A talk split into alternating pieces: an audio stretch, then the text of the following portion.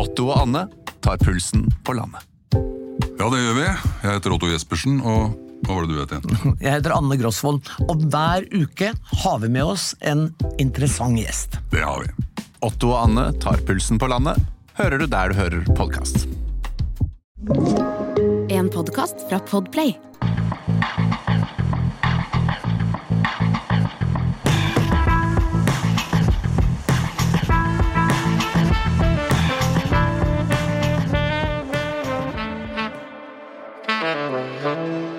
Titusener er drept under bombingen av Gaza. I all hovedsak er det sivile Israel dreper. Nå har Den internasjonale domstolen bestemt seg for å etterforske Israel for folkemord. Cecilie Hellestveit, velkommen. Takk. Folkerettsekspert og jurist. Ja. Ja. I dag er det, jeg må bare si det, for i Midtøsten så kan alt skje i løpet av de neste 24 timene. Så i dag er det fredag 2. februar, så mye kan skje før dette uh, når lytterne. Men vi snakker sammen nå om det vi vet nå. Det at Israel blir dratt inn for domstolen, hva betyr dette? Det er uttrykk for mange ting. For det første så er det uttrykk for at verdenssamfunnet ser effektene av krigføring, moderne høyteknologisk krigføring, mot en eh, befolkning som er veldig eksponert. Det tåler ikke verden, og det skal vi være veldig glad for. Så på ett plan så er jo dette her verdenssamfunnet som trekker Israel inn foran den internasjonale domstolen, slik at den kan legge noen rammer for hvordan denne krigføringen skal foregå. Jeg tror det er veldig viktig å være klar over at den saken som Sør-Afrika har brakt inn for den internasjonale domstolen i Haag, handler ikke egentlig om det som domstolen kommer til å konkludere med om la oss si seks, syv, åtte år. Det som er det viktige her, er prosessen. At domstolen bringes inn, åpner sak, og dermed kan følge med på måten Israel driver med krigføringen sin på. Den har kommet med noen pålegg til Israel i forbindelse med at den åpnet saken.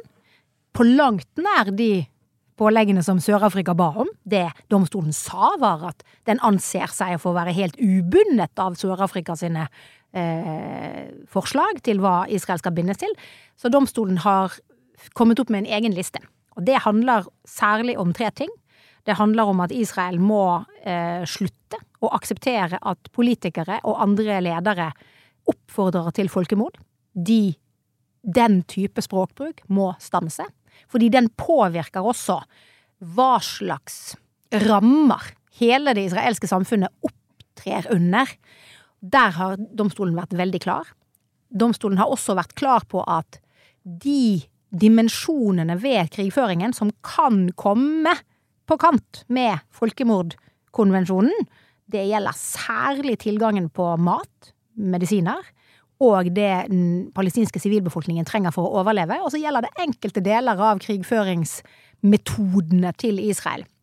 Der må Israel være veldig mye mer påpasselig. Eh, og det tredje er at Israel skal levere en rapport til domstolen innen en måned, hvor de viser hva slags tiltak de tar for å sørge for at de overholder dette. Og det betyr egentlig at domstolen nå eh, har pålagt Israel å vise helt konkret overfor verdenssamfunnet hva de gjør for å beskytte befolkningen på Gaza. Og så kan du si at jo jo, men domstolen har ikke kanoner eller pressmidler, men det skal jeg love deg at dette er ikke noen spøk. Fordi dette er en prosess hvor Israel er folkerettslig forpliktet. Og alle de 155 andre statene i verden som har ratifisert folkemordkonvensjonen, er også forpliktet til å følge det domstolen sier her. Betyr dette at eh, Israel nærmest får en måned på seg til å avslutte krigføring? Nei. Sør-Afrika ønsket at domstolen skulle pålegge Israel å avslutte krigen.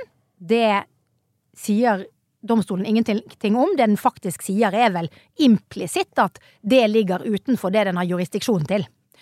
Og det vi skal merke oss her, er at disse påleggene som denne domstolen nå kommer med, dersom Israel ikke etterkommer de, så vil egentlig alle disse 155 statene, inkludert USA, Norge, Frankrike, Saudi-Arabia, en lang rekke land, vil måtte se på hva slags relasjon de har til Israel. Fordi Israel står anklaget for å bryte folkemordkonvensjonen, og hvis ikke de etterkommer ICC, nei, ICJ sine, sine pålegg, så må vi begynne å se på vår relasjon til Israel. For eksempel våpeneksport, for eksempel andre typer relasjoner hvor vi, hvor disse andre statene kan risikere å medvirke til dette som ICJ sier kan være folkemord. Og det gjør at Israel har en kolossalt sterk oppfordring til å etterkomme det eh, domstolen pålegger. Ja, for Norge eksporterer jo ikke våpen til land i krig, heller ikke til Israel, men indirekte via USA, eksempel. Ja, og dersom Israel ikke følger det ICC, ICC, ICJ har eh, pålagt her nå, så vil vi måtte begynne å tenke litt på hva vi er forpliktet til å gjøre for å hindre dette, og hva vi må gjøre for å sørge for at ikke vi medvirker. Altså For Norges del så er det klart oljefondets eh, investeringer må da på en måte ettergås med nytt blikk. sant? Så, så det gjør at en lang rekke kaskadeeffekter kan treffe Israel dersom de ikke retter seg etter dette. Og så er det én ting til. Det er mange land som har uttrykt uh, misnøye med at domstolen ikke var mer ambisiøs, om du vil, i forhold til å legge begrensninger på Israel. Men vi skal merke oss det at de 15 dommerne pluss to da, som sitter i Haag i denne saken, de representerer USA, Kina, Russland, Tyskland, India, Brasil, alle de store maktene i verden. Og når 16 av 17 dommere sier at dette er det vi forventer at Israel nå gjør, så har det en kolossal kraft. Så istedenfor å åpne opp det som er mer kontroversielt, og åpne opp for en politisering av det domstolen har sagt, så har dommerne valgt å konsentrere seg om de punktene hvor de er enige. Og det gjør igjen at Israel egentlig har veldig liten handlingsmulighet her. Det var Sør-Afrika som dro Israel inn for eh, Den internasjonale domstolen. Ja. Blant annet med beskyldninger om apartheid. Og for oss som har vært i regionen, både du og jeg har vært der en del, så vet vi jo at uh, det er en del uh, ting som minner om uh, det vi kjenner som fra apartheid-tiden i Sør-Afrika. Blant annet dette med at man på Vestbredden, altså den israelske okkuperte Vestbredden, har noen veier som er forbeholdt uh, ikke-palestinere.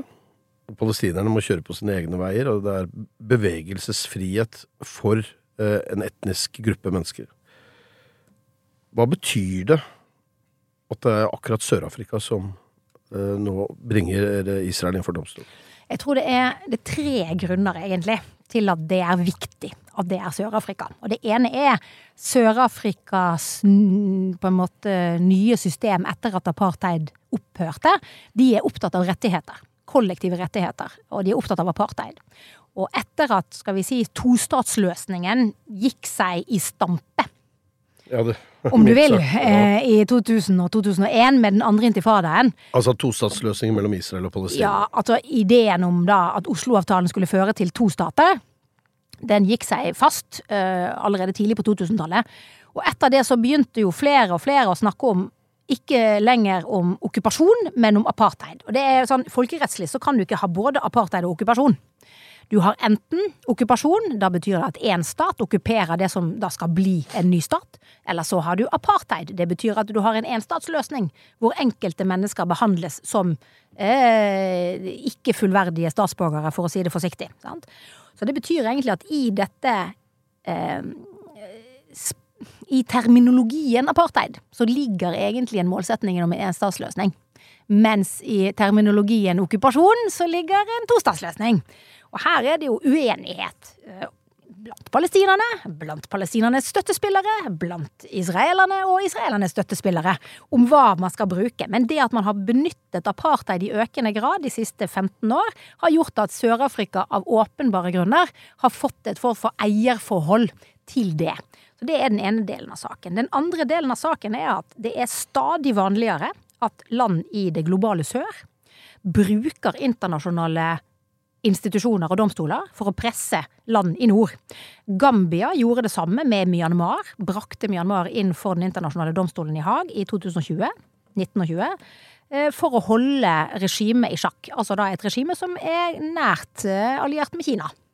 Ikke sant? Og det betyr egentlig at vi ser en endring i verden hvor de institusjonene som vi, altså vestlige land, vanligvis har brukt for å fremme våre interesser og verdier, brukes også mer og mer av det globale sør for å fremme deres interesser eh, og deres på en måte allierte. Så det er den nummer to. Og nummer tre handler om eh, Sør-Afrika sin rolle i BRICS.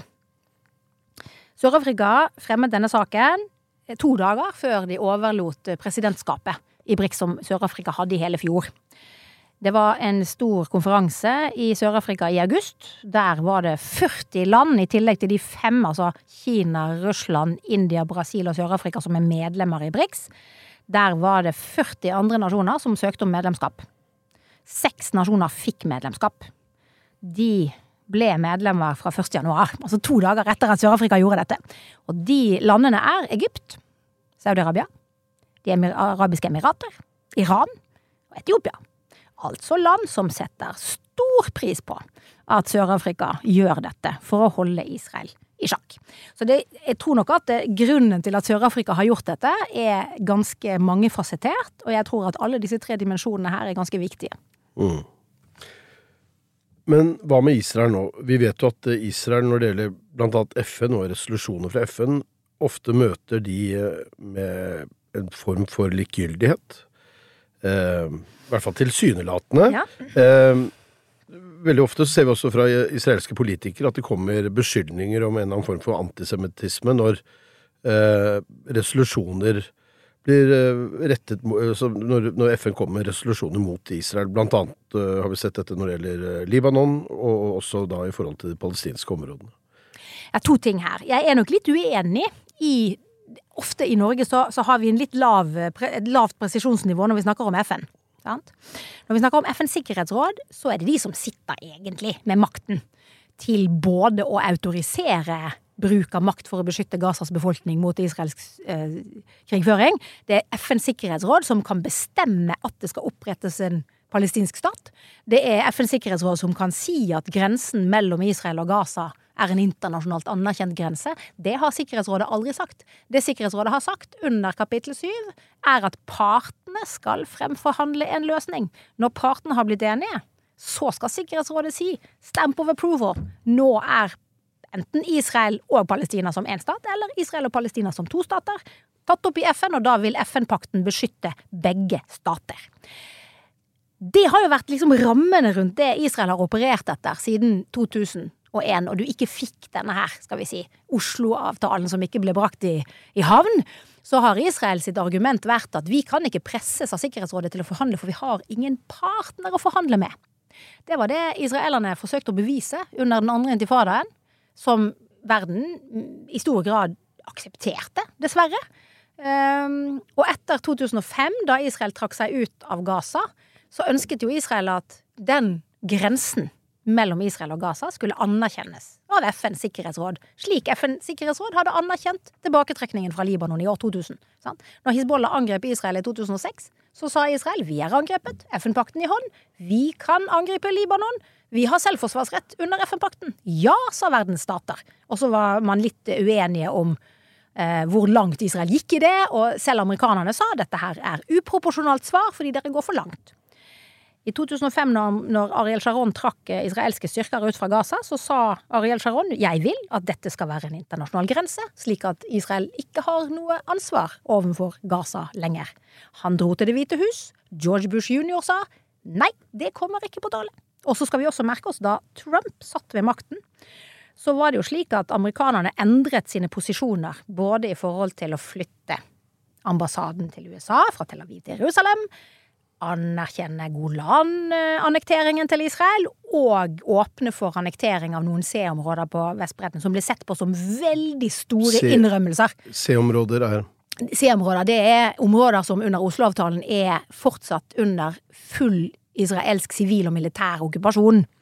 Altså områder som Israel i stor grad har lagt på innsiden av denne muren eller barrieren som Israel har satt opp mot palestinske områder på Vestbredden. Og da sa amerikanerne nei, det får ikke Israel. Og selv da Trump ga israelerne disse innrømmelsene i 2018, så sa amerikanerne ingenting om Gaza. Så Gaza anses fortsatt for å være en del av de palestinske okkuperte områdene.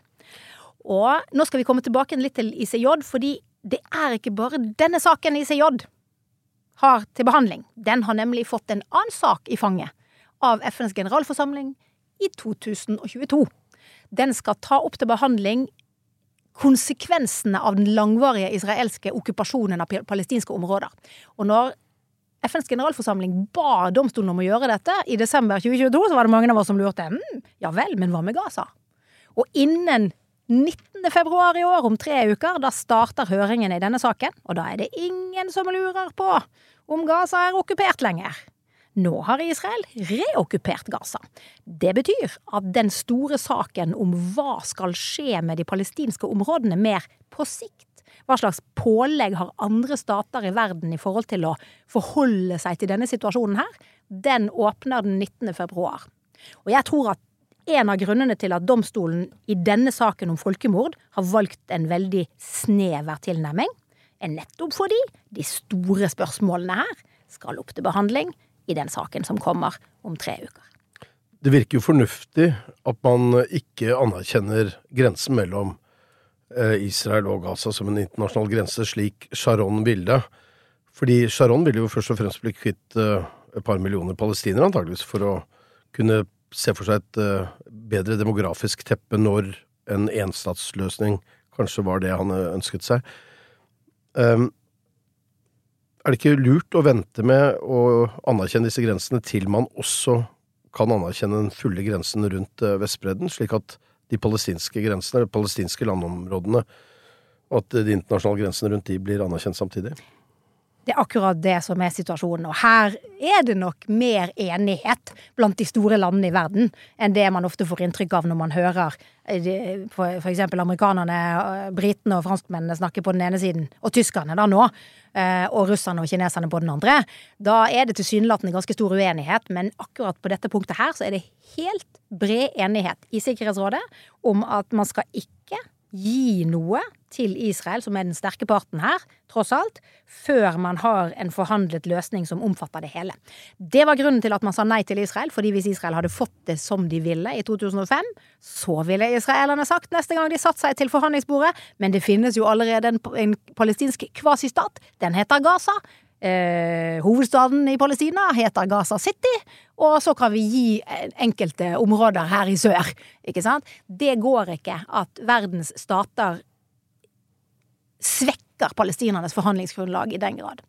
Og da tenker jeg også at sant, nå har vi hatt 20 år uten egentlig en realisme i tostatsløsningen. Det gjør at mange av oss, mange av forskerne som har jobbet med dette, mange av journalistene, mange av, av, av oss som har jobbet liksom intensivt med denne, denne, konflikten i mange år, tenker at den tostatsløsningen, den er død. Det advarer jeg mot å tenke. Det er politiske eh, og en god del andre strukturelle forklaringer på hvorfor det ikke har vært press på tostatsløsningen frem til for veldig kort tid siden. Nå er vi i en annen epoke for Midtøsten. Og det er en epoke hvor de store landene rundt Israel har tunge strategiske interesser i å få lagt Israel-Palestina-konflikten i bero. Tenker du at denne krigen kan være en game changer når det gjelder eh, ta, altså da tanken om en tostatsløsning igjen? Jeg tror dette er fødselssmertene for den palestinske staten. Mm. Jeg tror det Jeg tror Netanyahu er ekstremt presset. Av mange grunner, også fordi hans personlige ettermæle står på spill. Han har brukt opp sine ni liv nå, tror jeg. Men man skal huske på det han har sagt fra dag én, er dette her er It's the second war of independence. Ikke sant? Og det er en type språkbruk som noen kan tolke som at nå skal vi endelig bli kvitt Palestina-problemet. Nei, det er ikke egentlig det han sier. Eller det kan i hvert fall også tolkes som å si at nå kommer det en hard krig, og så kommer det noen tøffe innrømmelser fra Israel sin side. Og det handler om at Israel som stat i Midtøsten de neste 10-15-20 år ikke kommer til å klare seg hvis ikke de endrer relasjonen til de store naboene sine. Det handler om, det handler om gass. Sant? Hva er det som skjer nå? Jo, på koppen i Gulfen i høst ikke tilfeldig at det var i Dubai, hvor man blir enige om at man har 25 år på seg, og så må man utfase gass. Hvem er det som sitter på mest gass?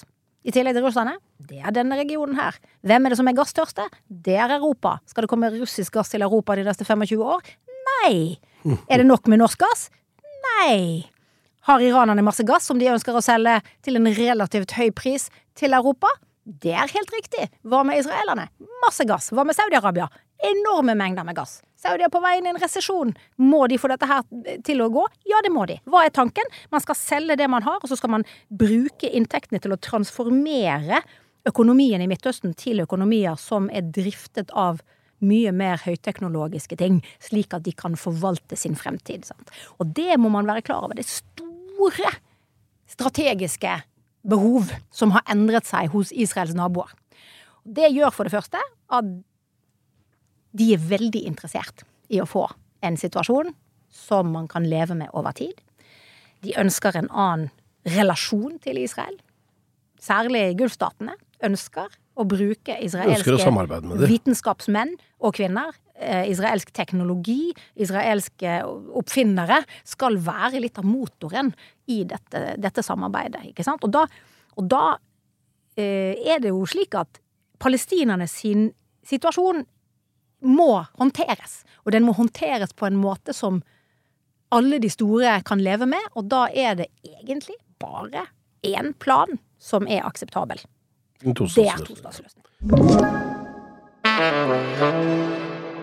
Og så er jo da eh, Joe Biden under enormt press fra viktige velgergrupper nå, spesielt unge velgere, eh, demokratiske velgere, som ser bildene fra Gaza, hører nyhetene om hvor mange barn som blir drept, og sier at dette her går ikke an, vi kan ikke bruke våre skattepenger på å finansiere denne krigen. Så den støtten som begge sider i amerikansk politikk er villig til å gi Israel, den kan jo komme til å fordampe. Det kan komme til å fordampe i USA. Jeg tror personlig er jeg nok mer, enda mer opptatt av endringene som skjer i Israel. Jeg tror at israelsk høyreside, som rundt år 2000 gikk eh, inn i en ny type allianse med settlerbevegelsen, og særlig etter Kast Ledd i 2008 og 2009, da Israel eh, angrep Gaza og forsøkte egentlig å gjenerobre Gaza, og kanskje til og med underkaste liksom Hamas-styrt Gaza eh, palestinske selvstyremyndigheter igjen, like før Obama skulle ta over som president. Det gikk ad undas. Og da oppsto det en stemning i, Israel, på israelsk høyreside, hvor man, man ble enige om at vi skal ikke ha en tostatsløsning. Vi tror ikke på at det går an. Vi stoler ikke på palestinerne. Vi har ingen parter. Vi må kjøre enstatsløsning knallhardt. Vi må bli kvitt liksom, vår sikkerhetstrussel. Og man fikk en sånn allianse mellom israelsk høyreside og settlerbevegelsen. Nå har du hatt settlerbevegelsen som ansvarlige i Israel i to år. Det har ført til enorme eh, Skal vi si enorm ustabilitet internt i det israelske samfunnet. Og når rapporten kommer til slutt om hva var det som var med på å berede grunnen for Hamas-angrepet, så kommer den settlerbevegelsen til å bli sittende igjen med veldig stor del av ansvaret. I tillegg så er det stort sett ministre som har tilknytning til settlerbevegelsen, som ikke da bare har vært med på å eh, gjø- gi settlerne så mye fritt leide at to brigader som skulle passet på Gaza, var omdirigert til Vestbredden, så det var ingen soldater der å passe på israelerne. I tillegg så lot de settlerbevegelsen desekrere Koranen på Aksa helt i begynnelsen av oktober, slik at israelske sikkerhetsmyndigheter misforsto eh, rakettregnet. Sant? De trodde det var en Aksa er da svar. Al-Aqsa-moskeen eh, som ligger da eh, i Jerusalem. I Jerusalem, den store hellige moskeen for, for muslimene. Og, det, og i tillegg, da, etter at krigen er et faktum, og hele det israelske samfunnet må på en måte samles for å slåss mot denne, denne, denne fienden som har angrepet Israel på måter som Israel aldri har blitt angrepet før i sin, i sin historie. Dette var et angrep hvor, hvor Hamas gjenskaper jødeforfølgelsen i Europa på israelsk suverent territorium for første gang, og rokker ved hele eksistensberettigelsen til den israelske stat. Og da må alle slutte rekkene. Og i den situasjonen så driver altså settlerbevegelsen fortsatt og sier ting som gjør at selv amerikanerne lar ICJ komme inn og si det kan hende at ikke dere kan få våpen. Sant? Fordi denne delen av den israelske regjeringen fortsetter med en type retorikk, da. Så det er jo noe med sant? den delen av Høyre, Høyre i Israel som er veldig opptatt av sikkerhet.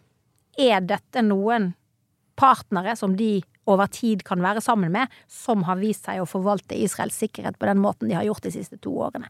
Og jeg tenker nok at hvis du får Der skjer det veldig mye nå. Og det vil påvirke også eh, den israelske høyresidens støttespillere i USA. Sant? Det vil kanskje være det aller viktigste, i tillegg til det du trekker frem, som jo er helt eh, Helt, eh, helt nytt, egentlig, i Israel-Palestina-konflikten. At palestinerne kommer igjennom med sin sak så sterkt som det de har klart å gjøre under denne krigen. Det, det, gjør noe med styrkeforholdet her, og palestinerne har trolig, i hvert fall ikke siden den første intifadaen på begynnelsen av 90-tallet, hatt en så sterk støtte. Både i befolkninger som kanskje historisk har støttet Israel, og hos styresmakter som har, har av historiske grunner eller andre hatt, eh, hatt mye sympati med israelerne sin sak. Nå har det endret seg. Så denne krigen her er i ferd med å endre symmetrien, da. Eller, eller eh, justere asymmetrien i den relasjonen. Som jo selvfølgelig også er en veldig gunstig, et gunstig utgangspunkt for å relansere tostatsløsningen. Hva er det domstolen, den internasjonale domstolen kan gjøre nå? Eller hvordan jobber de framover? Hvor lang tid tar det før de kommer med en annen eventuelt dom mot Israel? Nei, det tar mange år. Mm. Eh, de hadde en eh, tilsvarende sak som gikk om folkemordkonvensjonen i Bosnia på 90-tallet. Der tok det ti år fra saken ble åpnet til du kom med en eh, dom. Saken som ble lagt, anlagt mot Myanmar i 2019. Der åpnet domstolen sak etter, to, etter, etter åtte uker eh, i 2020. Og den saken nå, altså fire år seinere, der har vi kommet litt i gang. Mm. Så der er det også snakk om en sånn seks-åtte år. Men i Myanmar der er det slik at myanmarske myndigheter er pålagt å rapportere til domstolen underveis hva de gjør for å beskytte rohingyaene, denne muslimske minoriteten som, som, de er anklaget for å begå folkemord mot. Og det gjør at det er klart det er en, det er en synlighet rundt hva eh, militæret gjør, og det kan reageres på av andre stater, eller av eksempel et fond som, la oss si, oljefondet. Vi har trukket oss ut av mange investeringer i Myanmar som følge av eh, den måten myanmarsk, det myanmarske militæret har drevet med systematiske eh, brudd på, på eh, menneskerettigheter og krigens, eh, krigens regler i Myanmar. Ikke sant? Og det kommer til å skje også for Israel. Og det som er forskjellen selvfølgelig mellom Myanmar og Israel, er at Myanmar var allerede utsatt for et ganske betydelig sanksjonsregime da denne saken ble åpnet. Det gjelder ikke for Israel. Så det gjør at de mulige kaskadeeffektene for, det, for Israel som følge av denne saken, eh, og litt avhengig av hva Israel gjør, selvfølgelig, eh, og den skal vi si, næringen som dette her gir til boikottkampanjer, sanksjonskampanjer mot uh, ulike deler av det israelske samfunn eller den israelske stat, får veldig mye næring som følge av, av at denne saken er åpnet. Så det, det, det, er ikke nødvendigvis domstolen som sådan og hva den gjør. Det er hvordan den prosessen påvirker styrkeforholdet hos andre aktører. Mm. Og dette legger jo press på Israel til å avslutte krigføringen i Gaza tidligere. Ja, i hvert fall å ta Vise en form for respekt ja. for domstolen? Og ta krigen over i en ny fase. Nå skal man merke seg at det israelske myndigheter har sagt, det er jo at man hadde en første fase hvor det var eh, luftoperasjoner. Hvor man stengte grensene helt. Altså helt eh, eh, full blokade. Og hadde luftoperasjoner inn på eh, områder hvor israelerne jo ikke har vært til stede på mange, mange år. Og de har hatt et retningsinnsamling som jo viste seg å ikke plukke opp angrepet som Hamas hadde planlagt sammen med en del andre grupper. Og her var det mange mennesker involvert. Så det er jo. Altså, for oss som har vært en del på Gaza, snakket med folk der, så er det nesten utenkelig at Israel har mistet så mye kontroll over eh, etterretningskildene sine. Her er det litt moderne teknologi, ikke sant? Eh, du har moderne teknologi som kan fange opp veldig mye, men så tilpasser jo på en måte Hamas seg til det. Eh, Så der har man gått over til liksom brevdue eh, igjen, ikke sant. Og da, da er det vanskelig å fange dette her opp. Det som er utfordringen på den første perioden til den israelske krigføringen, er jo at den baserte seg jo da på hva slags type etterretning? Sant? En type etterretning som du har samlet inn gjennom, gjennom bruk blant annet av autonome eh, systemer. Mye droner, mye ja, skal vi si veldig høyteknologi. Og mange av barna og kvinnene som, som ble drept i luftangrep, ble jo drept de første tre-fire ukene. Det var da det var en helt sinnssyk eh, tapsrate for de sivile. Antageligvis på et tidspunkt hvor israelske styrker da ikke sto på bakken på samme måten, hvor man måtte basere seg på mye høyteknologi, altså autonome systemer og informasjonsinnsamling. Og her ser vi resultatet. Det er helt uakseptabelt. Og så beveger krigen seg over i neste fase, hvor du får en bakkeinvasjon. Og nå er vi på vei over i en tredje fase. Og så er spørsmålet hvordan skal den fasen se ut? Og der er det jo stor uenighet internt i Israel om hva som skal være formålet med den tredje perioden. Og der kommer jo domstolen inn sant? og sier, den bokser inn, hvordan man kan snakke om denne krigen nå, og hvilke virkemidler som er utenfor rekkevidde for israelerne. Så på en måte så kan du si at de mer høyrevridde ytterliggående kreftene i Israel har egentlig blitt nøytralisert gjennom domstolen, for domstolen sier at dit får dere ikke lov å gå. Det er regler for krigføring. Internasjonale eh, regler. Er det greit å drepe barn? Innenfor disse rammene. Jeg vet ikke hvordan jeg skal tolke ordet greit. Ja, moralsk vet vi hvordan det er. Moralsk er det forkastelig å drepe barn. Det er, helt, det er forkastelig. Og jeg tror nok kanskje at utgangspunktet må være at når de voksne Men er det ulovlig? Når de voksne ikke klarer å ordne sine uoverensstemmelser på andre måter enn det vi har sett konsekvensene av på Gaza, så er det Det er helt uakseptabelt at vi som sivilisasjon ikke klarer å ordne våre konflikter på andre måter enn dette. Det er på en måte De voksne har sviktet. Det, det er konklusjonen. Den er klokkeklar. Utfordringen i krigens folkerett, det er at det er ikke forbudt å drepe barn. Fordi hvis et barn blir brukt som et lovlig mål til å samle inn militær informasjon, eller som barnesoldat, da er det alltid en krigsforbrytelse. Men det er ikke den som angriper barnet, men den som har gjort barnet til et militært mål, som er krigsforbryteren. Og grunnen til det er at hvis man ikke har det slik, så vil det være en militær verdi i å bruke barn i krig. Og det er det disse reglene forsøker å gjøre. De forsøker å løfte barn ut av krigen. Hvis du bruker et barn, gjør barnet til et militært mål, så er du krigsforbryteren. Samtidig så er det slik at Altså det betyr i realiteten at barn også kan være militære mål.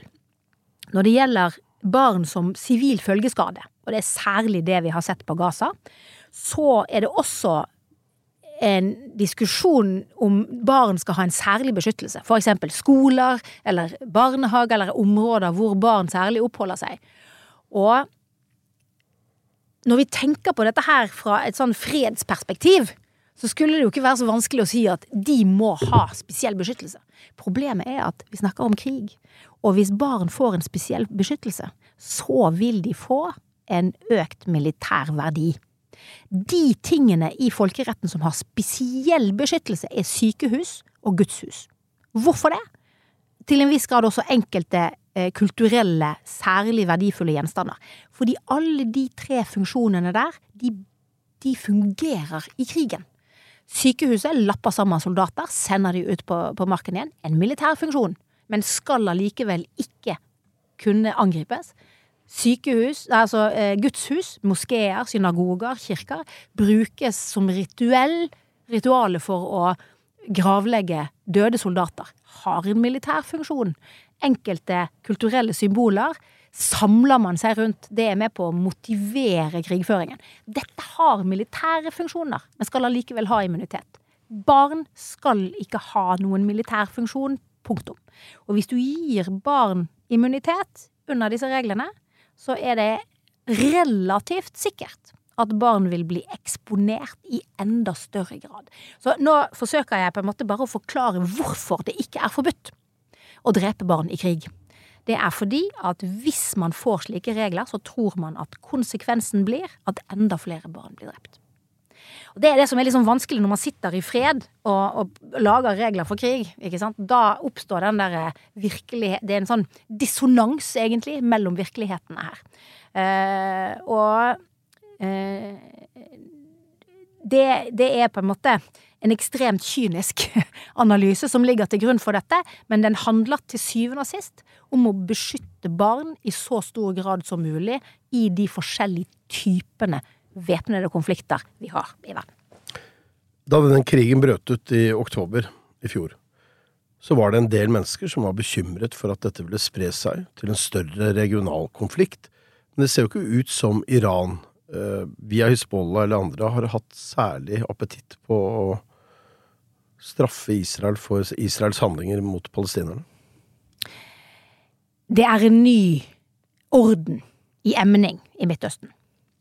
Den Er det bra eller ikke? den, den, dette, etter mitt skjønn, er eh, meget bra. Det har vi sett over de siste ti årene. Amerikanerne begynte med sin nedskalering av nærvær i Midtøsten allerede i 2007 og 2008. Det ble mye tydeligere etter 2013 og 2014. Eh, og nå kan du si at den prosessen er i ferd med å bringes i havn fordi når amerikanerne trekker seg ut, så oppstår spørsmålet hvordan skal eh, ordenen se ut mellom disse store regionale maktene, da, sant? Iran, Tyrkia, Saudi-Arabia, Egypt og Israel. Hvordan skal de ordne dette mellom seg? Og Der har det jo vært mange kriger hvor de har slåss mot hverandre i andre sånne stedfortrederkonflikter. I Syria, Irak, i Jemen, i Libya. Og til dels også, for så vidt, blant palestinerne. Eh, For å komme nærere inn på israelerne også. Nå er det en ny type orden. Iranerne eh, sa det to dager etter angrepet 7. oktober. Vi sto ikke bak dette. Hamas og Hizbollah sa jo da, det var nok Iran, ja. Eh, iranerne sa nei. Amerikanerne deklassifiserte etterretning og sa vi tror ikke at iranerne sto bak dette. Israelerne sa vi tror ikke vi har ikke sett at iranerne sto bak dette. Det betyr at alle de tre statene som skal være en del av den eskaleringen, Iran, Israel og USA, egentlig sa Iran har ikke noe med dette å gjøre. Iranerne har etter hvert gått ut og sagt vi kan ikke legge bånd på våre proxier, altså på Hizbollah, på Shia-milits i Irak og Syria, eller på houthiene. Eh, De må få lov til å gjøre det de vil. Det har de også gjort. Men det Iran har sagt, er at vi kommer ikke til å beskytte våre proxyer hvis de velger å eh, ta opp våpen mot amerikanerne eller israelerne nå. Og det gjør at i Syria, Irak, Libanon og i Jemen så blir Iran sine proxyer de blir redusert i militærstyrken. Det skjer gjennom at tyrkerne driver litt på med dette her i Syria og Irak. Amerikanerne driver på med det i Syria og Irak. Eh, amerikanerne og britene i Jemen. Og så får vi se hva som skjer rundt Hizbollah. Det er en del av et enda større bilde, hvor alle ikke-statlige væpnede aktører i Midtøsten som har bygget seg ganske sterke gjennom denne her tiårsperioden, hvor Tyrkia, Saudi og Iran og alle har liksom styrket sine proxyer for å slåss mot sine rivaler, de, deres tid er på en måte litt på hell. Fordi de store statene i Midtøsten vil ikke ha sånne proxier med for mye våpen som plutselig kan snu seg mot deres egne interesser. Så det som skjer i hele Midtøsten-teatret nå, er at de ikke-statlige væpnede aktørene, de reduseres i styrke. Deres mektigste våpen tas ut. Eh, De gruppene som er vanskeligst å ha kontroll på, de er under et kolossalt militært press. Og nøytralisere, nøytraliseres, om du vil, hvis vi skal bruke det ordet. Det er liksom situasjonen over det hele. Så det betyr egentlig at de store statene ser ut til å bruke mulighetene til å bli kvitt sine ikke-statlige aktører. Særlig fikk vi eh, nok en eh, indikasjon på dette da Iran ble angrepet for noen uker siden. Først så gikk israelerne ut, trolig, og tok ut en, den fremste eh, iranske militære representanten i Syria for IRGC. Kun dager etterpå så ble det organisert et terrorangrep mot en jubileumsfeiring foran IRGC-generalen eh, Qasem Soleimani, som amerikanerne drepte i Bagdad i 2019. Da kunne iranerne ha valgt å si dette er enten Israel eller USA, vi tror står bak, nå svarer vi. Det sa ikke Iran. Iran sa dette er IS, så nå benytter vi oss av anledningen til å peke ut de ikke-statlige aktører i Syria og Irak og Pakistan som vi ønsker å redusere den militære kapasiteten til. Hvorpå pakistanerne sier ja, men vi har også noen folk på iransk territorium som jeg tror vi svarer her. Og det er det bildet du ser i hele Midtøsten nå. Nå er det snakk om at amerikanerne skal ut av Irak, ut av Syria.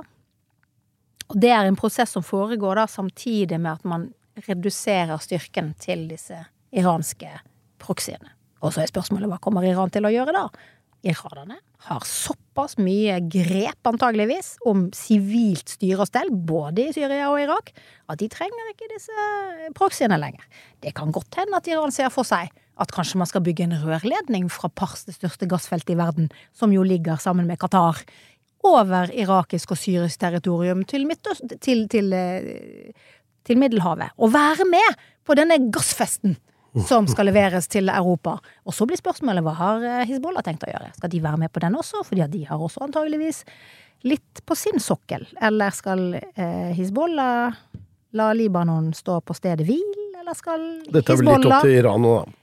Velg, ja. Men det som ser ut til å være eh, signalene fra Iran, er at Hizbollah skal ikke trekke Iran med i en konflikt med Israel som Iran ikke vil ha.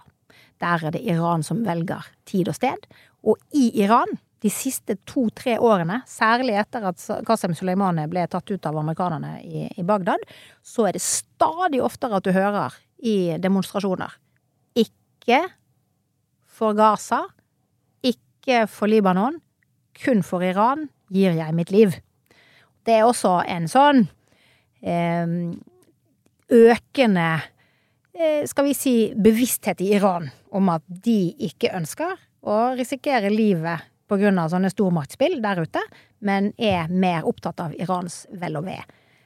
Og for Israel, det er klart, hvis denne store krigen, denne brutale krigen, som rokker ved veldig mange staters politikk,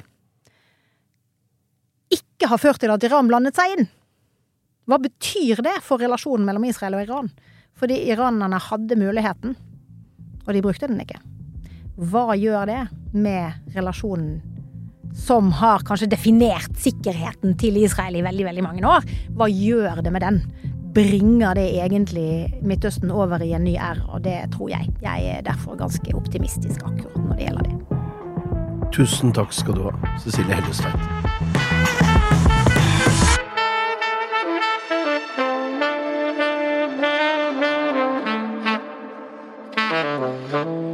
Du har hørt en podkast fra Podplay. En enklere måte å høre podkast på. Last ned appen Podplay, eller se podplay.no.